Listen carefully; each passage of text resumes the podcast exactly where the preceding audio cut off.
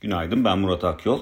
Piyasalar geçen hafta ABD'de açıklanan enflasyon rakamının ardından yüksek volatiliteye sahne olmuştu. Enflasyon rakamının yüksek gelmesine rağmen küresel piyasalarda güçlü bir eğilim oluşmuş. Değer kazanma eğilimi ön plana çıkmıştı. Ama hemen arkasından Cuma günü Amerika'da bu kez e, enflasyon beklentilerinin bir yıllık enflasyon beklentisinin daha doğrusu 7 ay sonra ilk defa artış göstermesi bu kez e, sert bir satış baskısı yaratmıştı. Yeni haftaya ise bu kez yine güçlü bir eğilimle başlandı. Tabi bu kadar güçlü bir eğilimle başlanmasını gerektirecek bir sebep var mıydı dersiniz. Buna evet demek aslında zor. Fakat yine de e, düşüşlerin ardından gelinen seviyelerin fırsat olarak değerlendirilmesi Amerika'da açıklanan bilançoların e, piyasa beklentisine kıyasla daha iyi bir tablo ortaya koyması ve bunun yanında İngiltere'de e, vergi e, kesintilerinden vazgeçilmesi gibi faktörler aslında piyasaları destekleyen unsurlar olarak çalıştı ki içeride de bunun çok net etkilerini gördük. Tabii BIST endeksinde de e, özellikle bu hafta bilançoların başlayacak olmasının e, yarattığı bir iyimserliğin olduğunu da rahatlıkla söyleyebiliriz ki kaldı ki e, içinde bulunduğumuz dönemde faizlerin düşük olması nedeniyle yatırımcıların alternatif getirilere yönelmesi de Borsa İstanbul'a yönelimi destekleyen bir unsur olarak çalışıyor ki Perşembe günde zaten Merkez Bankası'ndan 100 bas puanlık bir indirim daha bekleniyor ve bu indirimlerin önümüzdeki aylarda da devam etme ihtimali yılın sonuna kadar devam etme ihtimali de oldukça yüksek görünüyor.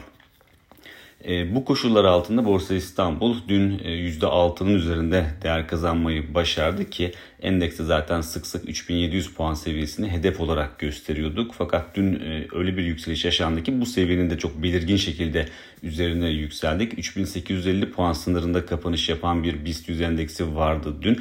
Özellikle bankacılık endeksinin %10'a yakın değer kazanması endeksi e, yukarı taşıyan ana unsur olarak çalıştı ama genele yayılan bir iyimserlik e, söz konusuydu. Mevcut durumu değerlendirmek gerekirse endeksin oluşturduğu kanalı düşündüğüm, düşündüğümüzde aslında şu anda yukarıda 4000 puana doğru bir eğilim oluşmuş durumda. Dolayısıyla e, yukarıda e, 4000 puana doğru hareket etme eğiliminin güç kazandığını söyleyebiliriz. Tabii ki tek riskimiz hızlı yükseliş sonrasında hem yurt içinde hem yurt dışında aslında gelinen seviyelerin kar satışı ihtimali de yaratması ama şu anda teknik açıdan 4000 puana kadar anlamlı bir e, engelin olduğunu söylemek zor. Diğer taraftan e, ABD tahvil faizlerinde geri çekilme ve dolar endeksinde bir gerileme söz konusuydu. Bunun etkisiyle gelişmekte olan ülke para birimleri de aslında dün iyimser bir eğilim sergiledi. Fakat dolar TL kuruna baktığımızda orada e, ayın başından bu yana olduğu gibi anlamlı bir değişim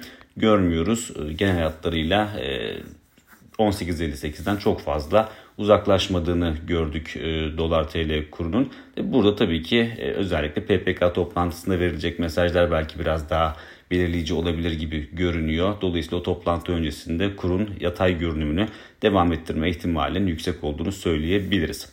Son olarak e, teknik analizde öne çıkan hisselere baktığımızda ise bugün EKGIO, Tofaş ve Koç Holding'i görüyoruz. Bir sonraki podcast'te görüşmek üzere.